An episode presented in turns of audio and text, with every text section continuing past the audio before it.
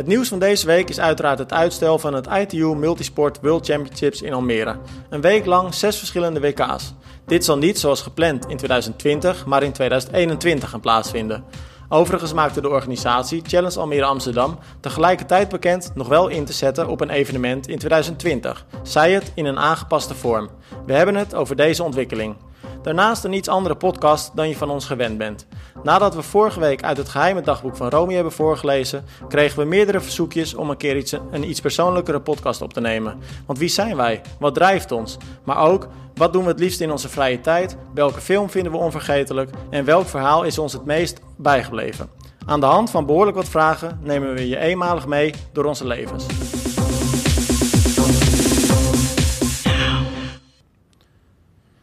Ja, jongens, een, eh, een iets andere podcast dus dan, uh, dan gebruikelijk. Maar laten we toch even aftrappen met heel groot nieuws. Uh, ja, het nieuws dat ook wel deze week, eh, wat mij betreft, heeft gedomineerd. Ook als ik alle fora een beetje in de gaten hield en alle andere sites. Uh, ja, en dat is toch wel het, het, ja, het uitstel van het WK in Almere. Of zoals ik net in de intro ook al zei, het voluit ITU Multisport World Championships. Mm. Uh, ja, nou ja, laat ik eventjes met jou, Romy, beginnen. Want Arjan is natuurlijk ook vanuit de organisatie eh, betrokken bij dit evenement. Maar dat is, ja, dat is groot nieuws, toch? Ja, super groot nieuws. Echt het nieuws waar heel veel Nederlandse triatleten op aan het wachten waren, denk ik wel, de afgelopen weken. Ook wij hadden het eigenlijk iedere ja. week wel een keer even hierover. Dus uh, ja, ik vind het een opluchting. Ik was eigenlijk wel blij om te horen dat het eigenlijk nog maar alleen het WK is wat verschuift. Dus dat het ook niet afgelast is, maar dat het uh, ja, een jaar later plaats gaat vinden. Uh, ik had daar al niet heel veel vertrouwen in. En het betekent dat er in ieder geval nog geen streep door de wedstrijd gaat. En dat vond ik eigenlijk goed nieuws. Ja, en dan kijk ik even naar jou, Arjan. Want ik hoor Romy zeggen, ik was eigenlijk een beetje opgelucht. En ik zat ook uh, bij jullie op, op de Facebookpagina te kijken. Uh, want jullie hebben dit natuurlijk vorige week aangekondigd. Ja. Uh, ik heb het idee dat heel veel atleten die mening van Romy delen. Want ik, ik, ik zag heel veel inderdaad dat woord opluchting voorbij komen. Toch een beetje blijdschap dat atleten nu weten waar ze aan toe zijn. Uh, ervaar jij dat ook zo vanuit de organisatie gezien dan? Ja, ik denk dat we momenteel uh, de meeste reacties gewoon echt uh, positieve reacties hebben. Natuurlijk zijn er wel teleurgestelde mensen tussen. Die hou je altijd. Alleen de overtoon of de boventoon van de reacties is positief opgelucht. Um, en die teleurstelling mag ook wel, ja, toch? Want het is natuurlijk ook gewoon, het blijft kloten, gewoon plat gezegd. Ja, ja, natuurlijk blijft het kloten voor iedereen. Voor de organisatie, voor, uh, voor de atleten die zich erop voorbereid hebben. En daarom zeggen we ook als, uh, als Challenge Almere Amsterdam, we zeggen niet van uh, we schrappen het hele evenement. Nee, we gaan nog kijken naar wat de mogelijkheden wel zijn. En het is ook nog ja. niet zozeer dat wij dit evenement, dus even een stukje achtergrond, het evenement is niet geschrapt, of het ITU WK Multisport is niet geschrapt omdat vanwege de coronamaatregelen.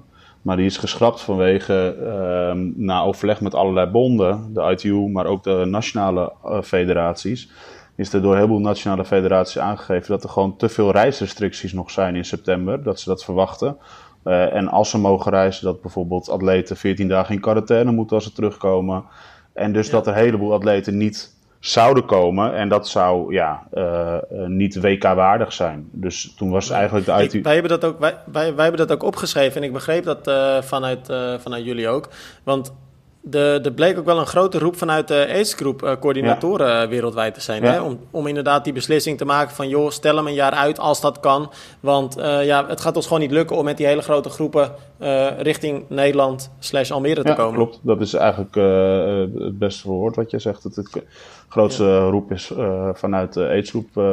coördinatoren van de grote triathlonlanden gekomen. En die hebben daar samen met de ITU uiteindelijk... en de organisatie natuurlijk een een beslissing genomen. En wat, ja, weet je, wat heel mooi is, en dat wil ik ook vanuit Chelsea Almere Amsterdam gewoon uh, nogmaals meegeven, is dat het niet alleen vanuit onze organisatie, maar het is echt met alle, met, met de ITU, met uh, de ITU World uh, Championships 2021 in Townsville, 22, 2022 in Ibiza zou het zijn.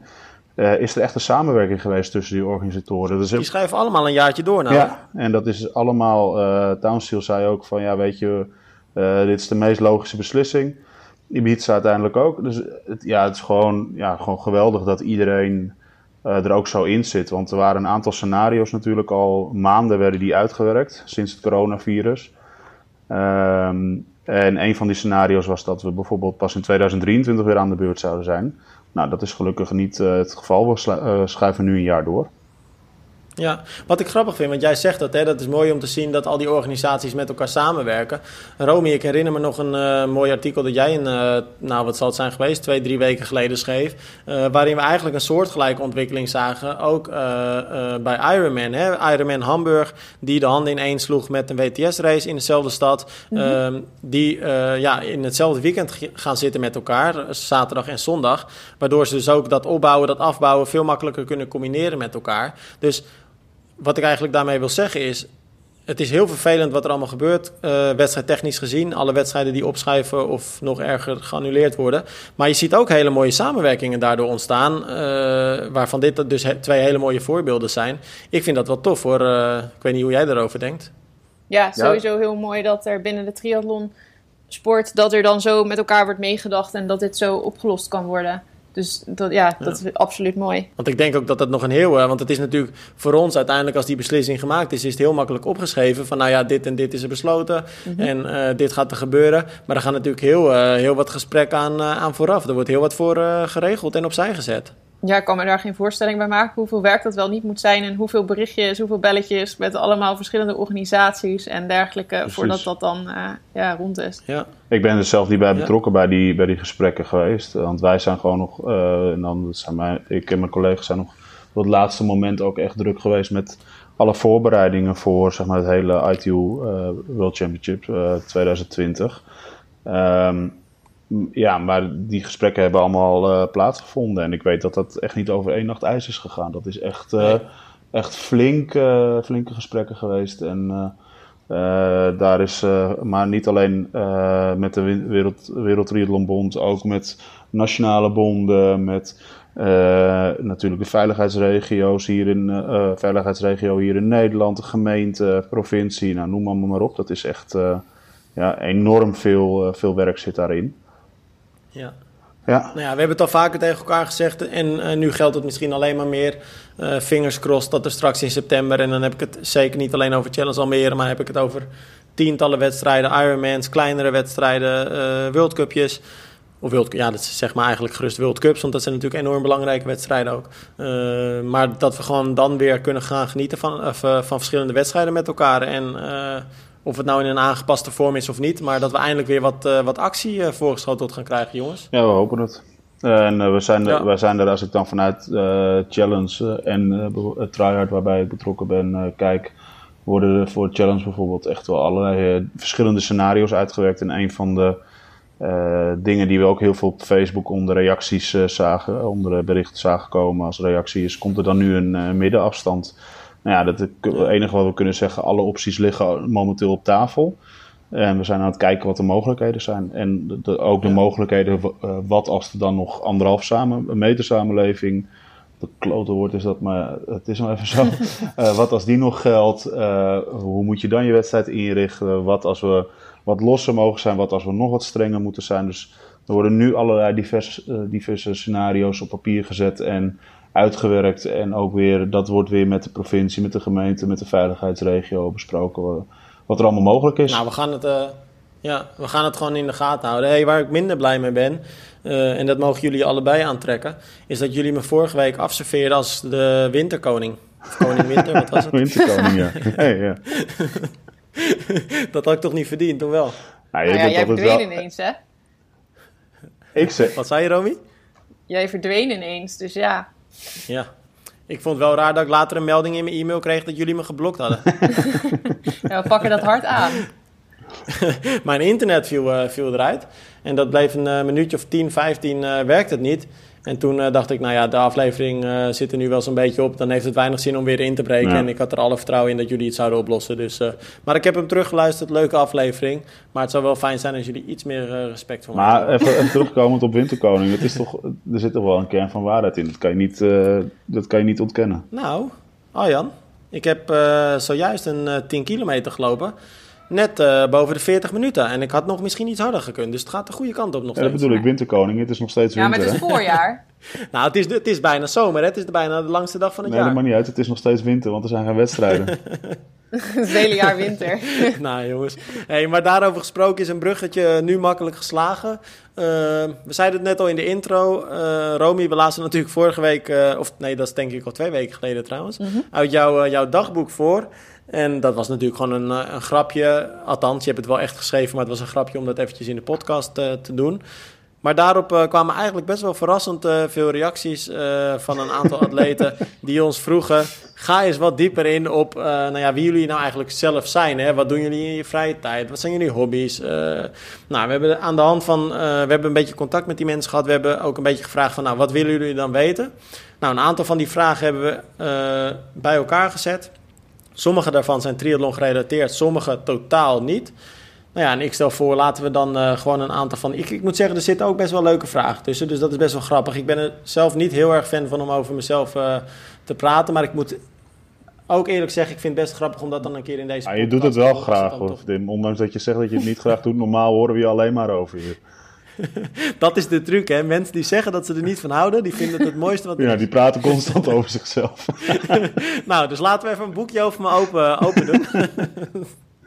nou jongens, ik ga even aftrappen met de eerste vraag. En dan, nou ja, Arjan, omdat jij dan uh, zo bij de hand bent, zo ken ik jou ook wel een beetje. Uh, de eerste vraag, laat ik hem eerst aan jou stellen. Wat voor opleiding heb je gedaan? Uh, nou, opleiding heb ik... Jij bent gestopt bij de basisschool? Ja, bij de basisschool, ja. Die heb ik nu, nee. nee ik heb HAVO gedaan. Na de HAVO ben ik ehm, Johan Cruijff University gaan doen. HBO's commerciële sporteconomie. Dus ligt ook wel in lijn met wat ik nu, nu doe qua uh, evenementen organiseren. Was het een leuke opleiding? Zeker. En het was toen de tijd deed ik natuurlijk nog triathlon en uh, zat ik in de jeugdselectie. En uh, werd het ook de, het onderwijs om je, om je sport heen georganiseerd. Dus als je een keer een tentamen niet kon, dan, omdat je een training had of een wedstrijd, dan werd dat allemaal heel makkelijk, kon je dat inhalen. Dus dat was echt ideaal toen de tijd. Ja. Um, en daarna ben ik eigenlijk met, uh, ja, nou ik gestopt ben met triathlon ben ik gaan werken. En tijdens mijn uh, werkcarrière heb ik nog een uh, masteropleiding gedaan, de Master of, of Pro, Project Management. En wat vond je leuker, studeren of werken? Nou, doe mij maar gewoon werken. Ja. Nou, Romy, wat, wat voor opleiding heb jij gedaan?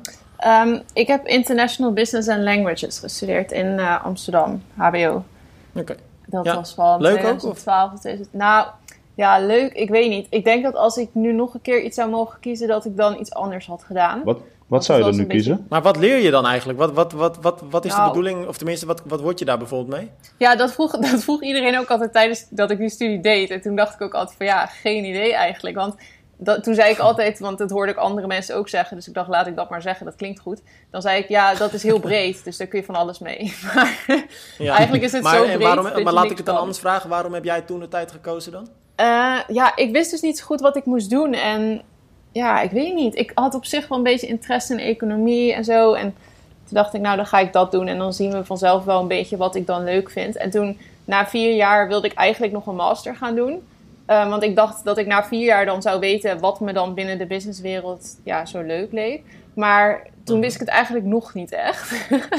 dus uh, toen dacht ik, nou laat maar zitten de master. En toen ben ik eigenlijk gewoon een beetje gaan werken en zo. En ik weet nu wel wat ik leuk vind. Ja. Maar ja, nu uh, okay. ben ik te oud. En kijk je, kijk je er dan op terug als een verkeerd gekozen studie? Of heb je er, mm. is het wel gewoon prima zo? Nou, toevallig had ik het daar laatst over met Evert. En toen zei ik als ik die studie, het klinkt heel zoetsappig, maar als ik die studie niet had gedaan, dan had ik even nooit leren kennen waarschijnlijk. Want uiteindelijk, ah, ja, dat is met heel veel dingen het leven, weet je wel. Als je keuzes maakt, dan, ja, dan anders als je een ander pad in was geslagen, dan had je allemaal mensen niet ontmoet en zo.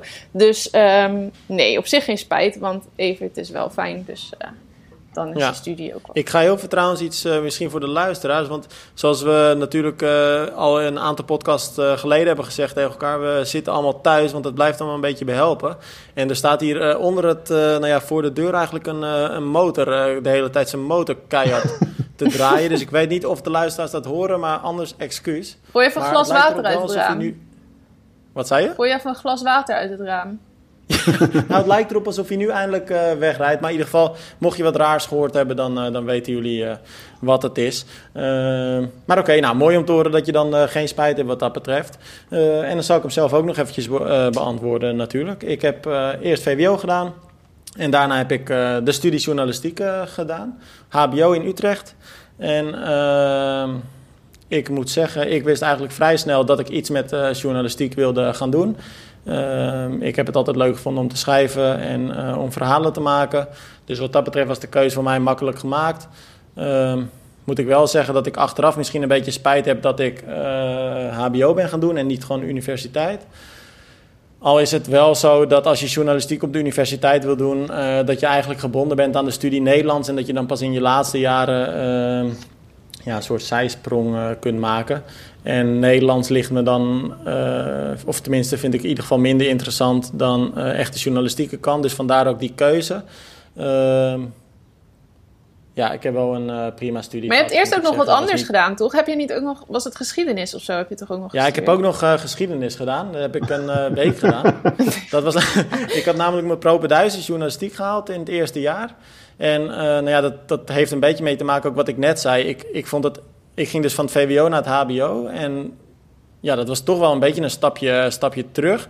En ik, ja, ik, ik, ik ging eigenlijk al, overal heel soepel doorheen zonder dat ik er iets voor hoefde te doen. En dat vond ik eigenlijk een beetje zonde. Dus toen dacht ik, ja, ik ga een switch maken. En toen heb ik uh, geschiedenis gekozen op de universiteit. Maar toen dacht ik eigenlijk na een week, nou ja, dit is het eigenlijk ook niet helemaal. Laat ik dan maar gewoon doen, uh, toch maar terug naar de studie waarmee ik later gewoon iets wil doen. En dan ga ik even drie, drie jaartjes doorbijten en dan uh, kan ik gewoon lekker doen wat ik wil. Nou ja, dat heb ik dus uiteindelijk gedaan en... Nou ja, en ik ben er ook altijd werkzaam in gebleven binnen de journalistiek. Dus, dus wat dat betreft zeker ook, ook geen spijt. En ja, leuke tijd gehad. Ik kan niet anders, kan niet anders zeggen. Nou, dan ga ik eventjes naar de volgende vraag. En dan kijk ik eerst naar jou, Romy. Omdat volgens mij van mij en Arjan is dat wel iets meer bekend. De vraag luidt, wanneer kwam je voor het eerst in aanraking met de triathlonsport? Ja, um, dan moet ik even. Ik zat net te denken, volgens mij was het iets van 2012 of 2013 of zo. Maar ik weet het niet helemaal zeker. Maar um, in ieder geval iets van zeven of acht jaar geleden. En nou, toen ging ik dus voor het eerst. Ik ging kijken in Venendaal bij een wedstrijd van Evert. En ik had echt geen idee. Echt helemaal niet. Ik wist helemaal niks ervan. Dus ik en kende je even toen pas kort? Nee, ik, volgens mij, ja, daar, hebben we, daar zijn we eigenlijk nooit echt over uit. Of dat, volgens mij is dat de, het moment geweest dat ik Evert voor het eerst ontmoette. Maar ik weet het niet ah, zeker. Okay. kan ook ergens anders zijn geweest. Dat weten we niet. Volgens mij beweert Evert dat daar het moment was dat we elkaar voor het eerst zagen. Maar um, ik stond toen te wachten bij de wissel vanuit het zwemmen naar het fietsen. En ja, dit klinkt echt super flauw, maar ik dacht echt dat je pauze had naar het zwemmen. ik was zo in de war toen ze op die fiets sprongen. Ik dacht echt van, maar dan krijg je toch blaren en zo. Dan ben je nat en dat werkt toch niet? Ik vond het echt heel raar.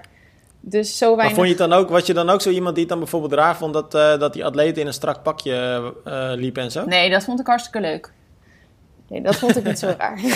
nee, nee, maar ik vond het wel, ik keek wel echt mijn ogen uit. Ik dacht wel, wat gebeurt hier allemaal, joh? Wat is dat voor een scene en zo? Ik vond, ik vond het wel echt heel interessant. En, maar interessant, en was je na afloop ook een soort van verkocht? Of had je zoiets van, nou, het was leuk voor een dagje, maar uh, that's it? Nee, ik had wel meteen dat ik dacht van... Ik vond het wel echt meteen heel leuk of zo, interessant. En ik wilde toen, want ik snapte er dus eerst niks van... maar toen wilde ik ook wel meteen alles weten hoe dan alles precies zat en zo. Ik vond het wel ja. heel... Uh, maar wat ik me dan nu afvraag, want jij zegt... Ik kwam daar voor Evert, maar daarna zeg je... Ik weet niet helemaal goed of we elkaar nou daar voor het eerst zagen.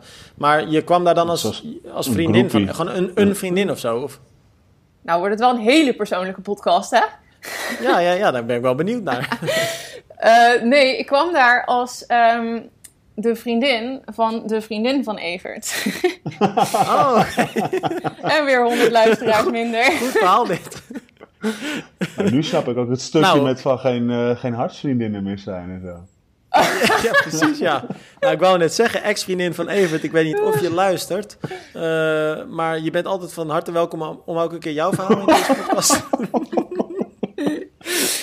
Nee, maar dan moet ik het nu ook even uitleggen, want anders klink ik nu als een heel naar mens. Maar het was uit voordat Evert en ik iets kregen, dus dat... Oh ja, dat okay. zeggen ze altijd. Ja.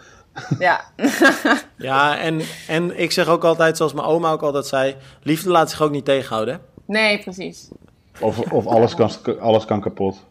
Alles kan komen. Ja, ja, dat zegt Tim ook altijd. Vind ik zo nou, Voordat we, voordat we Romy helemaal afzeiken, uh, nee, want dat is natuurlijk gekkigheid. Uh, grappig om te horen, Romy. Uh, nou ja, Arjan, voor ons is, ik denk dat we deze vraag best kort kunnen beantwoorden uh, voor ons allebei. ja, wij waren gewoon echt super jong, hè. En toen kwamen we al in aanraking met de, met de triathlonsport. Gingen we kijken in Almere en gingen we het ook zelf doen. Ja, ja ik, zolang ik weet stond ik langs de dijk. Ik woonde in Almere Haven in die tijd, dus... Ja, daar ben je ermee opgegroeid. En ik heb in eerste instantie altijd gezwommen. Uh, bij de Otters in Bussum. En op een gegeven moment toch wat, ook wat anders gaan zoeken. Een beetje atletiek erbij gaan, do gaan doen. En toen uh, eigenlijk al heel snel na een half jaar uh, de eerste triathlons gaan doen. Dus ja. Ja. Nou ja, voor mij inderdaad exact hetzelfde. Ik stond als kind altijd in Almere Haven te kijken. En ik deed alleen andersom ten opzichte van Arjan. Ik zat eerst op atletiek, echt toen ik al vier of vijf was kwam al vrij snel in allerlei uh, loopselecties. Vanuit daar uh, snel weer de overstap gemaakt naar duathlon en triathlon. En uh, nou ja, ook groot geworden met de scholieren in Almere. En zo is dat, dat vuurtje eigenlijk ja, altijd wel blijven, blijven wakkeren. Dus ja, en nooit meer, nooit meer weggegaan. Romy, wat is je, je lievelingseten? Dat is de volgende vraag. Nou, die ga ik, dat recept ga ik vandaag, als de podcast online is, denk ik, geloof ik. Of morgen, dat weet ik even niet zeker, maar ga ik hem ook delen. Dat is um, pasta, het heeft niet echt een naam. Laat het à la Romy noemen. Met uh, een soort roomsaus en courgette en champignon en parmezaanse kaas. En volgens mij is het echt super ongezond eigenlijk, want er zit best wel... Wat zei je? Een stukje Romy saus? Ja, Romy saus. uh, ja, nee, pasta. Maar ik hou sowieso wel heel erg van pasta's. Ja. En okay. jullie? En jij, Arjan? Poeh, ik vind het heel lastig. Ik, ik, hou, ik hou van eten, dus uh, ik heb niet echt, uh, ja, ik heb niet echt iets van lievelings. Ik, uh, inderdaad, Italiaans pasta vind ik erg lekker, maar ik kan er ook wel van genieten. Daar ben ik nu een beetje mee bezig. Ik krijg als het goed is deze week een nieuwe supersonische barbecue om allerlei lekkere barbecue gerechten te gaan maken. En dat kan oh, van, van bijvoorbeeld echt uh, spare ribs zijn tot aan uh, pizza's op de barbecue en dat soort zaken. Dus ja, eigenlijk van alles wel. Hm? Zo'n ei, hoe heet dat? nee, ik krijg een heel ander ding waarschijnlijk. althans waarschijnlijk. Hij komt deze week als het goed is. Um, helemaal, je kan er van alles op. Ik zal wel een fotootje sturen. Ik zal een gerechtje een keer delen als die gemaakt is met jullie. En met de ja, luisteraars. Ik ben benieuwd. Leuk. Ja, lachen. Nou, voor mij zijn het uh, eigenlijk wel twee gerechten. Ik kan echt, uh, echt niet kiezen. Ten eerste de pannenkoeken van mijn moeder. dus mam, als je, je luistert, ik kom uh, binnenkort weer een keer eten. en, maar ik moet ook heel eerlijk zeggen, en het is wel een beetje fout misschien... maar een keer ongegeneerd lekker naar de Kentucky Fried Chicken... dat vind ik ook niet verkeerd. Oh ja, Wat bestel je dan? Ja, dan bestel ik toch het liefst een Singerburger of hot wings. Oké. Okay. In Lelystad zit er een, hè, waar jij woont, Arjan? Ja, ik ben er nog nooit geweest. nee, houden jullie er niet van? Jawel, maar ik ga liever dan... Ik vind het toch... Die KFC vind ik net niet qua kip, zeg maar. Doe mij maar wat... Niet? Okay. Ja. hey, maar wat ik eigenlijk dan nog een, belangrijke of een leukere vraag vind... Uh, dan wat ons lievelingseten is... Zijn wij ook mensen die bijvoorbeeld graag zelf in de keuken gaan staan en uh, uitgebreid staan te koken of niet? Nou, laat ik hem dan als eerste zelf eventjes beantwoorden. Ik uh, niet. Ik heb er ook niet heel veel feeling voor. En toch kook je best vaak. Ja, ik kook wel, maar het is natuurlijk ook iets wat je gewoon moet doen. En, ja. uh, maar ik heb het liever Zeker dat... als Suzetje opdraagt, dan moet je wel, hè? ja, ja, ja, als Suus maar beter luisteren. Dan, ze zit me nu een beetje schaapachtig aan te kijken. Dus wat dat betreft moet ik ook oppassen wat ik nu zeg. nee, maar ik, nee, het is niet helemaal mijn ding. Ik vind koken... Ik vind het ook moeilijk om iets nieuws te bedenken, bijvoorbeeld, of iets nieuws te proberen. Ik, oh kan, ik, heb gewoon, ik ben zo iemand die dan bijvoorbeeld een paar gerechten, vijf, zes, zeven gerechten heeft, die die goed kan maken. Hm. Maar dat is het dan ook. Ja, dat herken ik echt volkomen. Ik ben ook echt niet iemand van nieuwe dingen uitproberen. Ook meestal als ik iets nieuws probeer, dan lukt het niet. Oh, ik ben maar dan ben ik, ik ben echt tegenovergestelde voor jullie. Ik heb echt. Uh, uh, ik denk dat ik degene ben ook die het meeste kookt thuis. En als ik dan hier naar rechts kijk nu van mij, dan zie ik een stuk of 10, 15 kookboeken staan. En oh ja. uh, een van de aanraders is zeker om, uh, als je een keer denkt van ik wil leuke gerechten, zoals echt van, van burgers tot aan pizza's tot aan echt gezonde gerechten, is Chef met Lef heet dat boek. en daar, ja, weet je, zoals dan, ik moet wel zeggen, als ik thuis kook voor de kids en voor, uh, voor Wen, dan is het vrij basic allemaal. eh, gewoon wat makkelijks. Maar als er vrienden komen, kan ik eh, gerust eh, twee, drie uur in de keuken staan. Oh. Grappig. Nou, laat, is, dat, is dat dan ook een hobby van je? Want daarmee sla ik dan een bruggetje naar de volgende vraag. Wat is je meest favoriete hobby als je sport niet mee mag tellen? Maar als ik dat dan hoor, twee, drie uur in de keuken, dan klinkt dat wel bijna als een hobby. of- Nee, of nee, want het is niet dat ik het wekelijks doe. Nee, het is niet dat ik het wekelijks doe. Het is wel echt wel... Wat is dan een hobby voor je? Oeh, Je meest favoriete hobby? is buiten sport om, hè, zei je. Ja, buiten Ja, sport om. dat- dat- hebben we buiten sport om nog tijd? Om een mooi hobby te hebben. Ja, dat is lastig. Ja, dat is, dat is een beetje de vraag. Nee, nee ik, ik vind dat heel lastig om dat, om dat te beantwoorden buiten sport om. Maar er is toch wel iets waar je het meest plezier uit haalt als je dus niet sport mag meetellen. Bijvoorbeeld, nou ja, weet ik veel, eh, voor de bank eh, tv kijken, gamen, lezen, weet ik veel. Nou, ik vind het wel lekker om eh, bijvoorbeeld eh, gewoon aan het kl- eh, klussen. Gewoon eh, klusjes te doen. En eh, nou, klusjes gewoon... eh, ik heb bijvoorbeeld de afgelopen paar jaar de mijn hele caravan verbouwd. Eh, hier eh, thuis de tuin helemaal verbouwd. Nou, dat soort dingen vind ik altijd wel leuk om... Ja, Maar als dat jouw hobby is? Dan eh, kan ik ook nog wel wat leuke klusjes voor je bedenken. Nou, ik heb er nu afgesproken als we dit klaar hebben, dan in de afgelopen vier jaar of aan het werk of aan het klussen geweest. Dan is het eh, eventjes eh, voldoende en dan gaan we eerst twee jaar eh, zonder klussen doen. Ik kan me voorstellen, want jij doet ook best wel grote projecten, heb ik het idee. Want ik zag laatst, eh stuurde je een foto door van je tuin, wat je net ook zei. En ik zag een heel overdekt terras wat je helemaal gemaakt hebt met zonnepanelen. Dat is echt wel serieus, eh, serieus klussen. Ja. Ja, dat is nu helemaal klaar. Ja, Grappig. En jij, Romy, je meest favoriete hobby zonder eh, sport dus? Mm, ik hou van alles wat eh, een beetje knutselen is en zo. Ik ben een soort klein kind nog steeds daarmee. Ik vind dat echt alles met kleuren en schilderen en eh, breien, haken. Ja, allemaal dat soort dingen. Borduren. En dan ga je echt lekker op de bank zitten en dan ga je een beetje punniken, dat soort dingen. Ja, ja, ik begin, dat is wel een beetje een van mijn slechte kwaliteiten, of dus geen kwaliteit, dat ik altijd aan dingen begin en het niet afmaak. Dus ik heb heel vaak, ik denk eigenlijk iedere week begin ik wel een project aan een schilderij of aan iets of zo. En dan halverwege denk ik, oh ja, nu zie ik wel ongeveer wat het wordt en dan ben ik wel tevreden of zo. En dan moet ik het nog even met geduld afmaken, maar dan hou ik ermee op. Dat doe ik echt altijd. Maar je- dus. Maar je hebt wel echt dus de feeling om echt iets, iets moois ook te maken op zo'n doek? Of is dat wel Ja, ja, lastig? ja. Ja, ons huis hangt ook wel vol met schilderijen die ik zelf heb, ge- heb gemaakt en zo. Ik vind dat wel echt leuk om te Oh, doen. wat tof. Oh, graag. Ja. Nou. Van de week waren we bij de Albert Heijn en toen lagen er kleurplaten. En toen dacht ik, ik ga gewoon een kleurplaat maken. Dat soort dingen vind ik wel leuk om te doen. Ja, grappig. Ja. Oké. Nou, ik eh, neem een petje ervoor af, want als ik iets niet ben, is het eh, handig met... eh, en met klussen en ook niet met, met, nou ja, hoe noemde je het nou? Knutselen, geloof ik. Knutselen, ja. Wat zijn jouw hobby's dan? Eh, nou, ik loop een beetje tegen wat Arjan ook net zei aan. eh, dat je gewoon bijna geen tijd hebt om na sport dus inderdaad nog echt hobby's te hebben. En ook vooral ook omdat die sport en werk natuurlijk helemaal met elkaar verweven is. Precies. Wat een hele mooie, hele luxe is, natuurlijk een hele grote luxe. Dus mij hoor je niet klagen. Ja. Eh, maar dat zorgt er wel voor dat je echt wat minder tijd hebt voor hobby's. Maar dan moet ik zeggen, als ik, als ik een keer inderdaad een avondje even niks te doen heb... en lekker lang uit op de bank kan gaan liggen met een, eh, nou ja, met een potje FIFA op de Playstation... dat vind ik wel echt eh, Ja, maar we hebben, we hebben ook nog een tijdje gegamed, eh, Tim. Hebben wij nog gegamed? Ja, de, Ja, twee of drie inderdaad, keer. Ja, met, op de mobiel, hè? Maar dat, jij doet het niet meer, hè?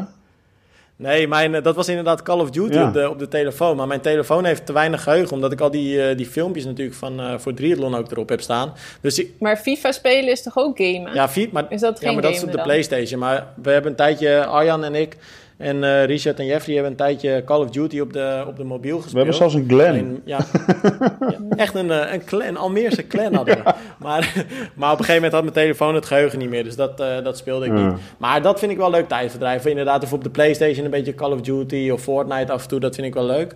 Maar echt te weinig tijd. En dan zeker ook nog als je bedenkt dat ik het lekker, lekker vind om een, om een goed boek te lezen. Ja, daar gaat dan ook weer tijd in zitten. Dus dan... ja, maar dat vind ik in ieder geval wel heel, heel relaxed om te doen. Ja. Maar eh, Ja, wel fijn dat het ook weer kan met je duimen. ja, dat is wel echt... eh, Want je had natuurlijk een paar weken paniek omdat het niet kon. Blinde paniek, ja. Nou, ik ben wel blij dat het gips eraf is, want dat is een hele verademing. Maar eh, nu nog een paar weken met zo'n brace oplopen, dus, eh, maar dat lijkt wel weer eh, de goede kant op te gaan. Dus dat is, eh, Top. dat is fijn. Hey, de volgende vraag. Romy, dan kijk ik het eerst naar jou. Omdat jij natuurlijk de meeste Hm? meer atleten spreekt dan eh, Arjan. Althans in ieder geval in de, in de hoedanigheid als eh, journalist. Wat, eh, of sorry, vind je dat een topatleet, eh, laten we het dan even toespitsen op triatleet, Mhm. top triatleet arrogant mag zijn? Ehm, ja, ik vind dat dat eigenlijk wel mag. Het zijn, het zijn meestal de arroganten zouden dan niet zo snel mijn vrienden worden of zo waarschijnlijk. Maar ik vind het wel altijd ergens mooi of zo als mensen een beetje arrogantie hebben of zo. Ehm, Het lijkt ook wel een beetje noodzakelijk. Hè? Om echt een goede atleet te zijn, moet je ook wel een beetje een vorm van arrogantie hebben. ja, ik weet, Ja. ja. misschien wel. Ik, maar ik heb zeg maar wel heel erg dat ik ben minder snel. Misschien dat ik echt iemand, eh, hoe zeg je dat, hoog heb zitten als iemand heel arrogant is. Maar ik heb dan wel dat ik het heel graag allemaal volg, omdat ik het dan heel boeiend vind of zo. Ja, nou weet je wat ik een beetje heb? Wat jij zegt, dat ben ik helemaal met je eens. Ik vind best dat een atleet arrogant mag zijn. En als je, ik vind het eigenlijk altijd wel mooi als je van die uitgesproken atleten hebt. En dan kijk ik niet alleen naar triathlon, maar eh, neem een Lance Armstrong. En Mhm. oké, ik zal me hier niet heel geliefd mee maken, omdat hij best wel verguisd wordt natuurlijk vanwege zijn verleden. Iets wat ik ook overigens helemaal afkeur. Maar ik heb het dan eventjes over zijn persoonlijkheid. Eh, maar ook mensen als Lewis Hamilton, eh, Cristiano Ronaldo, allemaal dat soort gasten, Slatan Ibrahimovic. Van die sporters die gewoon rustig van zichzelf zeggen: Ik ben de beste van de wereld Ja. en eh, ik heb scheid aan de rest. Ja. Ik vind dat echt wel mooi. En ook wat jij zegt, dan volg ik het op de een of andere manier ook liever. Dan vind ik het interessanter. Ja. Maar wat ik wel vind, is dat als een atleet dermate arrogant wordt, dat hij daardoor ook onrespectvol wordt. En eh, ehm, ja, eigenlijk eh, minder vriendelijk ook wordt naar publiek, naar pers. Dan vind ik dat het een stap te ver gaat. Ja. Ik vind dat je heel erg arrogant mag zijn in en over wat je zelf kunt en wat je zelf doet. Mhm. Maar ik vind wel dat je altijd respect naar een ander moet houden en ook altijd diegene in zijn waarde moet laten. En zeker als het mensen zijn die er eigenlijk voor zorgen dat jij je functie kunt beoefenen. Maar Ja, dat is, want we hadden toen die finishfoto van, eh, oh, heet hij nou? Bekkegaard. Ik ben zijn eerste naam even vergeten, zijn voornaam. Dat hij dat lint eh ja, dat hij in Oostenrijk, eh, ja, hij won Klagenvoort geloof ik. En dat hij dat lint zo naar beneden trapt inderdaad uit de handen van vrijwilligers. En dan oppakt en eigenlijk nog een keer op de grond smijt. En dan als ja, een ik vind dat super. Ja, Ja, dat dan maar weer ik- wel? Oké. Ja, maar ik vind dat echt zwaar overdreven discussie. Klopt. Echt, eh, echt kom op, het is een, zo'n jongen die wint zo'n race en die heeft emoties. Ook nog een jonge jongen, hè, Ja, Arjan, die het voor het eerst eh klaar speelt. Maar weet je, ik heb ook ding, als atleet domme dingen gedaan. En eh, eh, misschien som- noemden sommige mensen me ook arrogant. Maar ik denk als je als atleet ergens wil komen, dan moet je een bepaalde arrogantie hebben. Wil je. Ja, maar Arjan, jij zegt nu, ik heb ook domme dingen gedaan. Eh, Maar dit was toch niet eens dom? Ik bedoel, dit is toch gewoon een stukje emotie wat bij zo'n finish hoort. Dat, is, dat maakt zo iemand toch alleen maar mooi? Ja, ik, Ja. ik vind het ook niet dom, alleen sommige mensen vinden het dom. En ik heb zoiets van, het is emotie en het is een bepaalde, ja, eigenlijk gewoon blijdschap dat die denkt, oh, ja, weet je, het- kom op, het is niet eens, en dan zeggen ze, ja, het is onrespectvol vrij, voor vrijwilligers. Ik denk dat zo'n vrijwilliger denkt, eh, eh, da- daar staat, wow, dit is wel vet misschien wel, denk, denk weet je wel, die helemaal niet aangevallen voelt, want het is helemaal niet een trap richting de vrijwilligers. Ik vind het nee. zo'n on, ja, zo'n discussie, zo'n non-discussie, eh, bah. Maar ik durf er ook mijn hand voor in, te, in het vuur te steken, jongens. Want wij hebben natuurlijk echt vaak bij finishes gestaan. eh, en ook bij finishes waar echt dit soort topatleten over de streep komen. ja, Pardon. maar, precies. Eh, maar ik durf er mijn hand voor in het vuur te steken dat deze gast, nadat hij dus eh, inderdaad vanuit zijn emotie dus ja, dat, dat lint naar beneden schopt, twee seconden later omhelst hij waarschijnlijk die vrijwilligers om ze te bedanken. Ja. ja, maar daarom, het, is een, het is een heel kort stukje wat je ziet. En dan denk ik, ach, wat is zo'n discussie. Maar dan kan je helemaal niet meer schreeuwen. Want eh, ik hoor ook wel mensen met schreeuwen over de finish komen. Dan kan dat ook niet meer, want dat is dan, dan laat je mensen schrikken of zo. Kom op zeg. En als je, maar even Nou, terug naar de vraag, denk ik. Ik denk juist dat je als topsporter arrogant moet zijn om er te komen. En dan arrogant in je ook. sport, maar niet arrogant als persoon.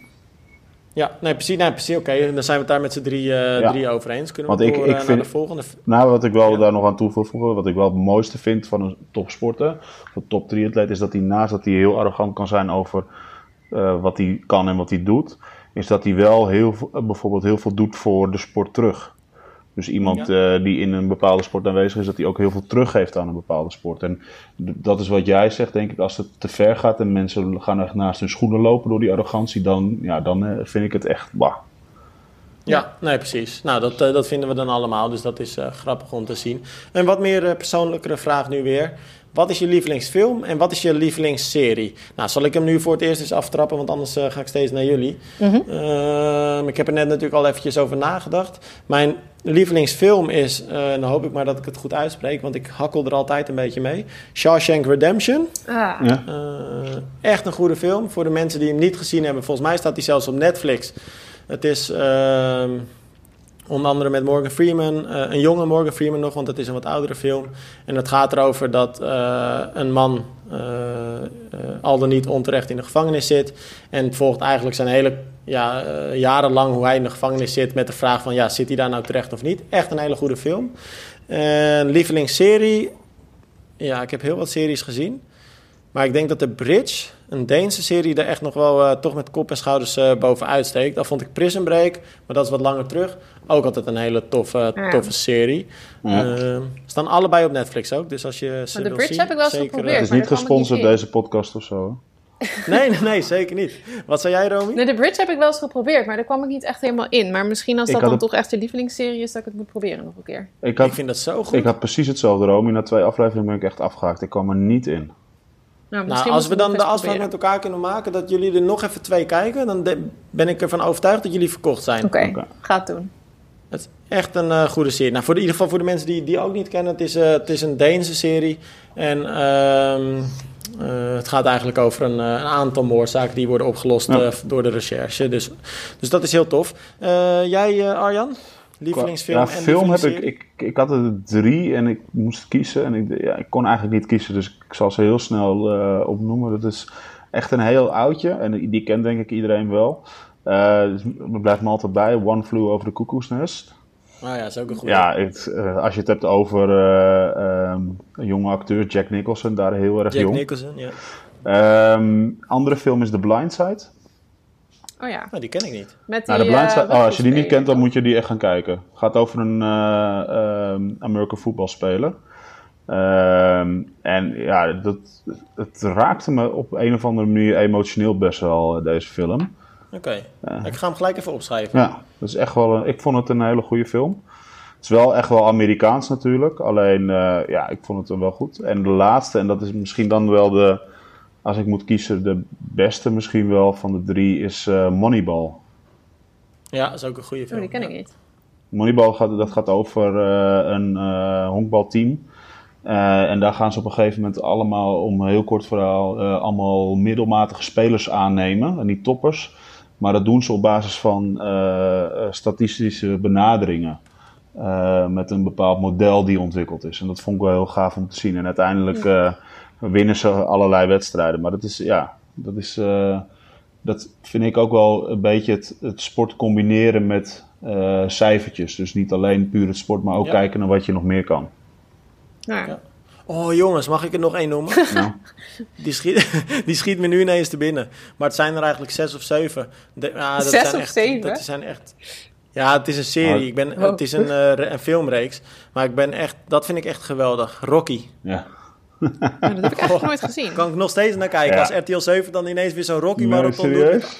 Met, met 18.000 films op één avond, weet je wel. Dan kijk ik ze gewoon allemaal. Ja, ja van die bokser zijn, is, dat zijn films over die bokser. Ja, met ah. Sylvester Stallone inderdaad. En dan is hij oh, die bokser Rocky Balboa. Ja.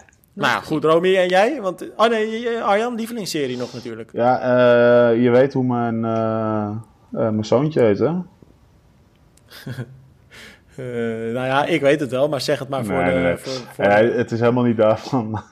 wij maken altijd... Al, wij maken denk, altijd ik, maar ik die speel een beetje toneel, want... Mijn zoontje het Harvey. En uh, wij maken altijd de grap dat de naam uh, vanuit de televisieserie komt. Dus dat dat onze favoriete serie is, maar dat is helemaal niet zo. maar de, de, dus dat komt uit de televisieserie Suits. Overigens vind ik dat wel echt een, wel een goede, goede serie. Ja.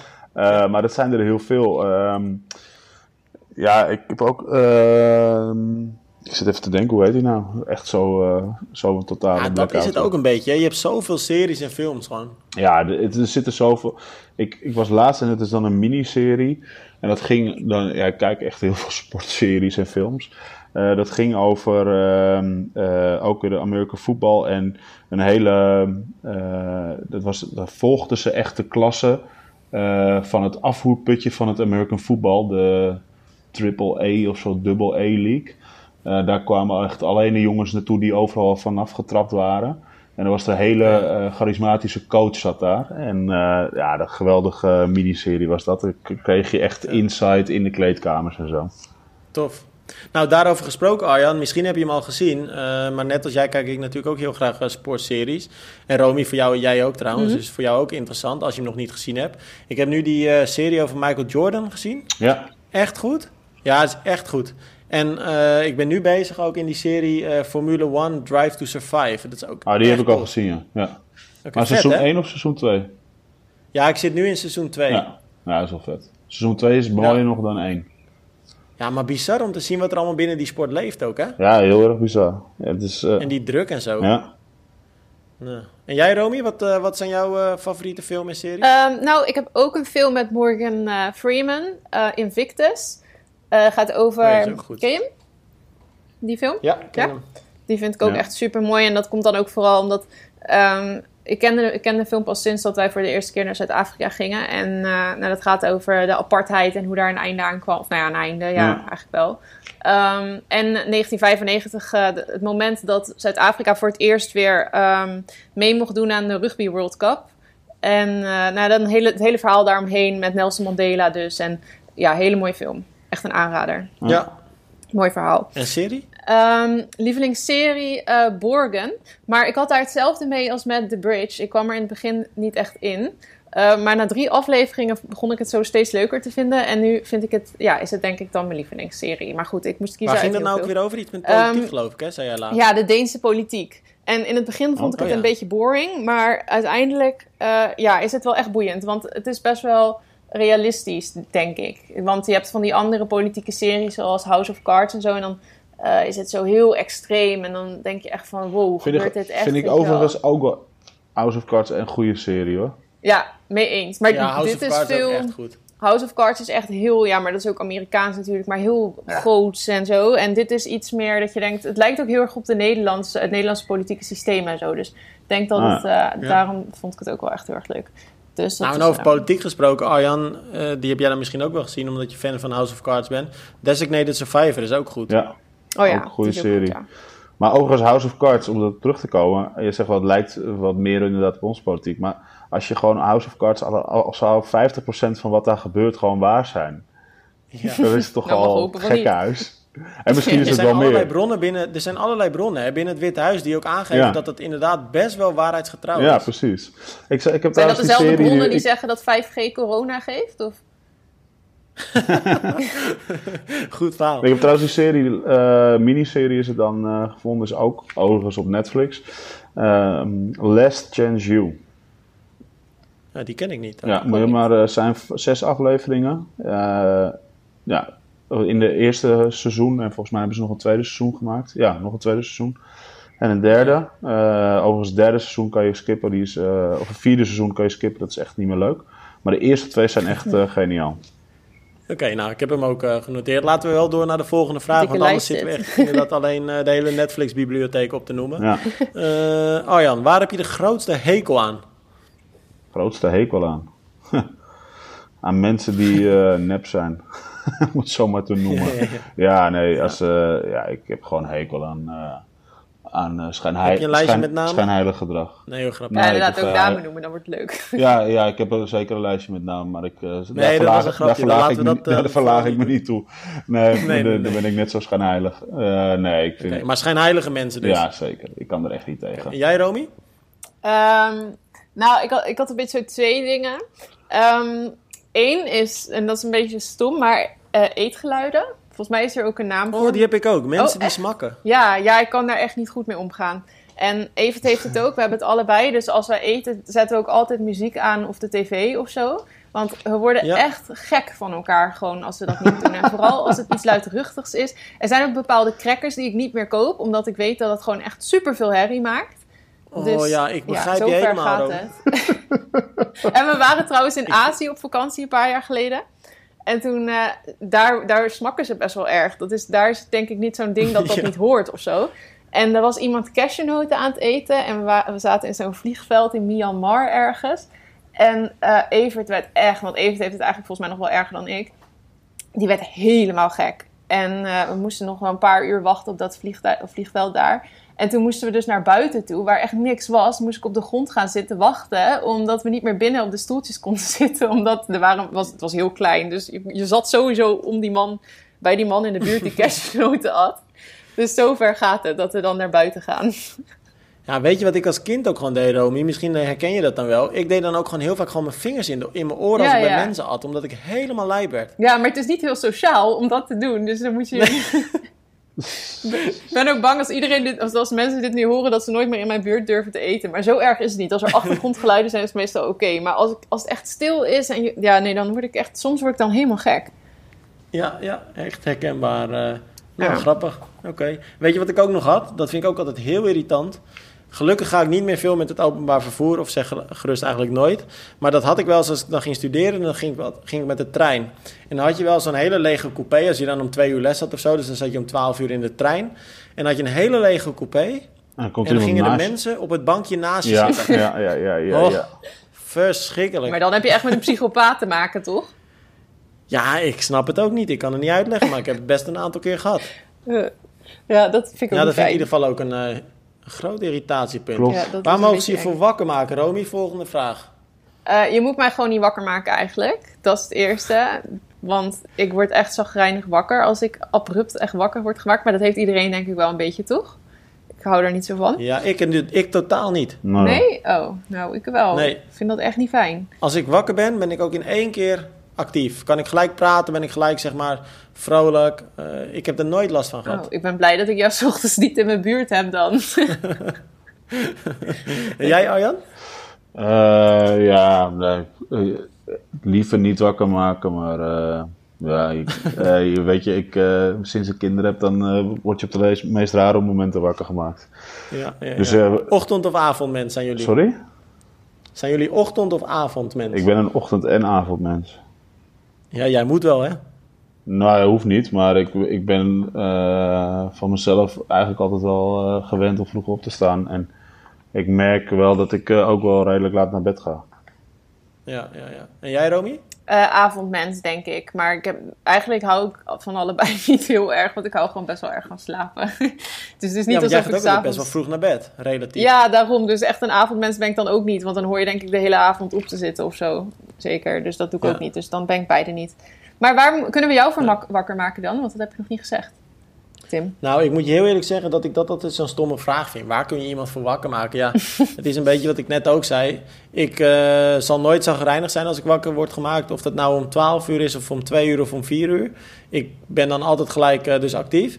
Ehm, maar ja, waar kun je me voor wakker maken? Ja, ik zou niet weten waar ik dan blij van word als ik wakker eh, word gemaakt. Ehm, ik denk dat je beter aan me kunt vragen waar kun je me niet voor wakker maken. En dat is dan onzin. Ja. Als het serieus is, ja, dan kan je je wakker maken, ja. Precies. Als er iets belangrijks is, maak me gerust wakker. Maar ik bedoel, ja, waar kun je je voor wakker maken? En dat mensen dan zeggen sushi, dat, zoiets, weet je wel. Dan denk ik, hoezo zou je wakker worden voor sushi? Ik bedoel, dat bestel ik dan wel als ik gewoon wakker ben. ja, Ja, goed punt. Nou ja, dus... dus eh, maar ik ben wel in ieder geval een ochtendmens. Dat is eh, echt... Ik ben altijd vroeg wakker. En dan bedoel ik echt rond een uurtje of vijf, half zes. Wat? Eh, aan de andere kant is het ook, ben ik een beetje hetzelfde als Arjan. Ik ga ook niet al te vroeg naar bed, want ik ga nog steeds rond 11 uur of zo naar bed, soms later. Soms ook vroeger natuurlijk.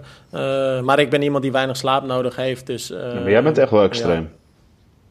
Ja, ik slaap wel echt relatief eh, weinig, ja. ja. Maar ook, eh, Aan de ene kant is het vervelend, aan de andere kant is het wel lekker. Want je hebt wel extra veel tijd om, eh, om dingen te doen.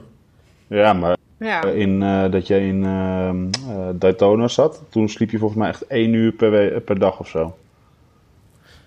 Ja, de- ik, ik heb inderdaad, dat was een, inderdaad wel echt extreem. Daytona was, ehm, omdat je natuurlijk die jetlag hebt. Ik heb echt wel een hele tijd nodig om dan aan te passen. Dus toen sliep ik echt inderdaad, ja, ik denk anderhalf, twee uur eh, per nacht, een week lang. Ehm, en dan heb ik altijd, als ik dan reis, de laatste nacht, dan slaap je ineens gewoon 6, 7 uur, weet je wel? Nou, dat is wel goed Want dan dan. is het te laat. En dan heb je dus dat gezeur ook weer als je terug in Nederland bent. dus Oh, dat is oh altijd ja. lastig. Maar het voordeel is wel, ook dan kan ik nog redelijk... eh, ja, ik functioneer wel redelijk. En ik word dan niet heel erg uh, of zo. Dus dan, dat scheelt dan wel. Maar het is niet... Je merkt wel dat je gewoon moeier bent. En dat je ook wel wat sneller misschien een, een blessuretje oploopt in zo'n periode. Dus dat is wel lastig. Maar ja, het is, het is wel, wel te doen. Ehm, volgende vraag. Eén laatste vraag. Wat prefereer je? Over sport praten, schrijven of speakeren? Of zelf sporten? Uh, nou, zelf sporten valt de laatste tijd wel af. uh, praten over sport of speaker, uh, ja, speakeren. Het toch wel uh, passie geworden. uit de hand gelopen hobby. Ja, gewoon geweldig. En ik merk gewoon nu de laatste weken het klinkt weer heel dramatisch, maar dat ik het echt mis. En dan zie ik op mijn tijdlijn zie ik foto's van vorig jaar voorbij komen. Want vorig jaar was bijvoorbeeld vandaag was de championship in San Marino, daar stond ik te speakeren.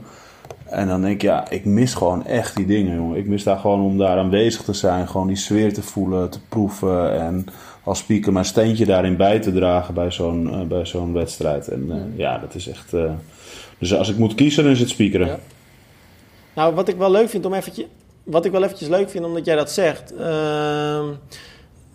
Wanneer is dat? Ik denk dat dat al twee jaar geleden is. Wacht, ik zit het even op te zoeken. Ja, dat is inderdaad 23 augustus 2018 alweer.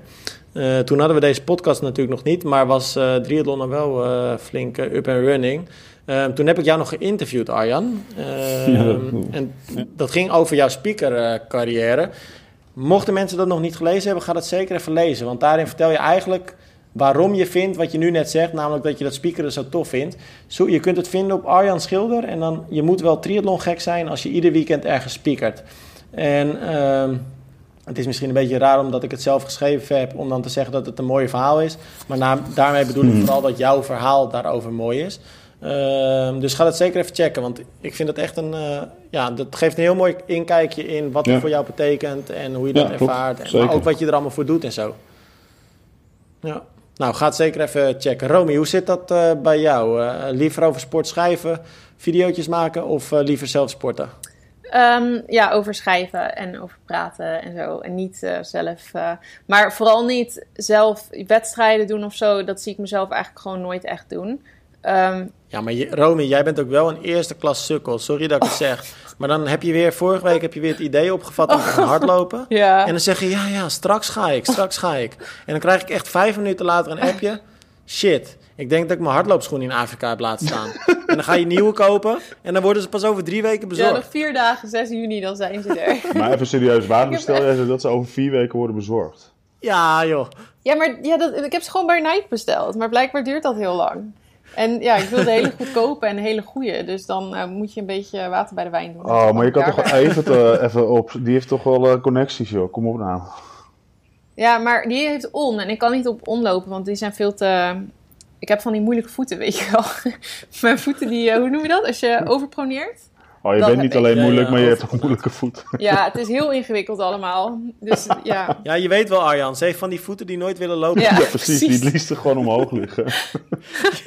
Nee, maar ik vind sporten dus best wel lekker hoor. Want in Zuid-Afrika sport ik best wel veel. Maar als ik dan moet kiezen, dan erover praten toch echt wel. En jij?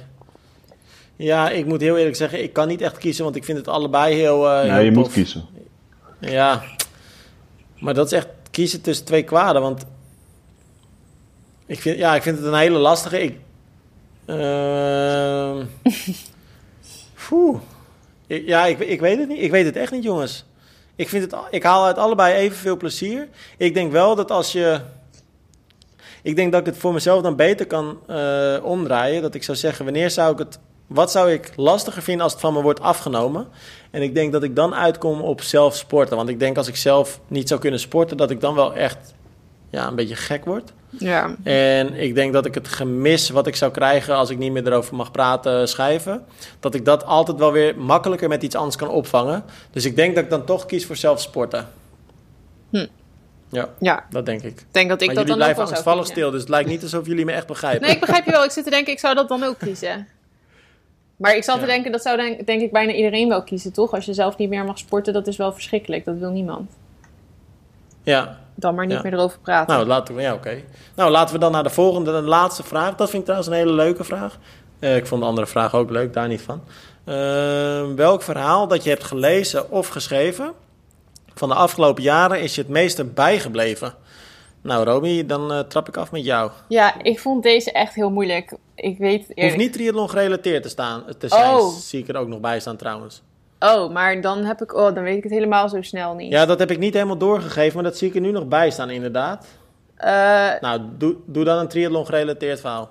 Nou, ik, wat ik dan in mijn hoofd had, toen ging ik denken van wie heb ik allemaal zo'n beetje geïnterviewd. Want meestal vind ik dat de leukste verhalen om te schrijven. Um, ja, interviews. Um, en het leukst om te interviewen vond ik, denk ik, um, die heb ik een paar keer voor dingen geïnterviewd, Quinty Schoens. Dus dan is dat dan een soort van antwoord op de vraag. Ik vond het heel... Altijd enthousiast, hè? Ja, ik vind het altijd echt heel leuk om Quinty Schoens op te bellen. Want die is gewoon echt inderdaad altijd enthousiast. En dat gaat gewoon altijd heel makkelijk. En dat vind ik altijd wel gezellig en leuk. Dus dan uh, is dat mijn antwoord, ja. Jij, uh, Arjan? Poeh. Ehm, ik, vind het, ik vond het echt ja, sowieso een lastig voor, eh, voor mij uh, geschreven. Daar, dat gaat al helemaal niet op natuurlijk. uh, maar gelezen. nee, 1, 2, 3. Als ik gewoon even kort geleden denk, dan gaat het wel over het verhaal waar we het vorige week in de podcast over gehad hebben. Als het, dus, want ik had ook triathlon gerelateerd begrepen. Dat ging over die jongen die met het syndroom van Down een hele triathlon wil gaan doen. Dat vond ik zo, Daar kreeg ik zoveel inspiratie van. Vond ik echt geweldig om te lezen. Ja, hey, hadden jullie uh, gezien daarover gesproken? Want dat is die Chris Nikic inderdaad. Dat hij uh, een paar dagen later uh, door Challenge Daytona is uitgeroepen tot ambassadeur van de race. Oh, ja. serieus? nee, heb ik niet gezien. Echt heel vet, ja. Nee, heb ik niet gezien. Wel, wel gaaf. Ja, moet je maar eens op hun Facebook kijken. Ze hebben daar een post, een post over gemaakt. Het is echt wel, wel tof dat ze dat doen met, ja, met zo'n atleet. Dat vind ik echt wel vet. Ja, ja echt leuk. Ja, nou mijn verhaal, maar dat is dan niet triathlon gerelateerd. Ehm, dat is een van de eerste verhalen die ik voor een uh, landelijke krant gemaakt heb. En dat zal me altijd uh, bijblijven. Dat is, uh, ja, wanneer was dat? Volgens mij was die ramp in 2011. Dat was de MH17-ramp. Oh ja. Ehm, en toen was er een Almeers gezin, waarvan twee zoons in het vliegtuig zaten. En die waren dus ook allebei omgekomen bij die ramp. En toen, een, ja, wat was het, twee, drie weken na die ramp ehm, uh, ging ik naar dat gezin toe en had ik een interview met die moeder. Een alleenstaande moeder was dat, als ik het me goed herinner. Ja, dat weet ik vrij zeker, want anders was die vader er ook wel bij. Um, en die had nog één ander kind. Ja, dat klinkt echt heel cru natuurlijk, maar er zat nog één kind over. Um, en dat kind zou eigenlijk in dezelfde vlucht gezeten hebben, maar oh. die uh, had hem omgeboekt op het laatste moment. Uh, dus twee van de drie kinderen omgekomen, jonge kinderen, oh, 11 en, en 15 geloof ik. Um, ja, en ik dacht, holy shit jongens, dit is wel echt bizar heftig natuurlijk. Hm. Ehm, dus ik ging er ook best wel een beetje zenuwachtig heen. Ook niet helemaal weten natuurlijk hoe die moeder zou reageren. Wel netjes een afspraak gemaakt natuurlijk. Dat ging allemaal via de redactie. Ehm, maar ja, ik bedoel, dat, dat nieuws was nog zo vers. En ehm, ja, dus ik heb daar een paar uur met die, uh, met die moeder gesproken. Die moeder was natuurlijk helemaal van slag. Die heeft echt uh, de helft van de tijd zitten huilen. En Heel mooi verhaal is het geworden uiteindelijk. Uh, die, die vrouw was er ook heel erg blij mee uh, na afloop. Uh, maar dat is me echt bijgebleven, dat verhaal. Dat was... Ja, ik moet heel eerlijk zeggen, als ik er nu aan terugdenk, uh, krijg ik daar nog een beetje een naar gevoel van. Omdat je aan de ene kant weet dat je iets heel moois aan het maken bent. Maar tegelijkertijd weet je ook dat je zo dicht in iemands leven ja. zit. En totaal buiten die comfortzone natuurlijk. Want het is iets waar, mm. waarover die vrouw eigenlijk helemaal niet, niet, niet wil spreken natuurlijk. Ehm, ja, lijkt me heel moeilijk. Ja, en, en de, de, de, situatie was ook heel dubbel, omdat het natuurlijk zo heftig was. Maar tegelijkertijd was het voor mij, wat ik me herinner, het eerste verhaal wat, ik echt, wat ook echt landelijk werd opgepakt dat ik schreef. Hm. Dus voor mij was het aan dat, in dat opzicht, journalistiek gezien, een heel mooi moment. Ja, maar het, is wel heel, uh, ja, het lijkt me wel heel zwaar. Precies. Echt heel, uh, heel apart was dat. Dus dan, maar ik moet ook heel eerlijk zeggen, die blijdschap, of, hè, die blijdschap van, van dat voor mij mooie moment was natuurlijk ook totaal niet voelbaar. Dat, dat sneeuwde natuurlijk helemaal onder. Ja, snap ik. En dat komt dan na een paar jaar, of nou ja, misschien een paar maanden, dat weet ik ook niet meer. Uh, maar dat kwam pas veel later dat je dat dacht van, ja, dat was wel heel tof voor mij. Uh, maar dat gesprek zou ik echt nooit vergeten dat ik aan die tafel zat en dat die vrouw... Ja, je zag, je zag gewoon het, echt dat verdriet, weet je wel. Echt, ja. die, die, die mevrouw was natuurlijk helemaal radeloos. En uh, ja. ja dat zal ik nooit, uh, nooit vergeten. Heftig, ja, heel heftig. Ja, nou, ik, zit, ik zit ondertussen nog even te denken. Triathlonverhaal wat me het meest is bijgebleven.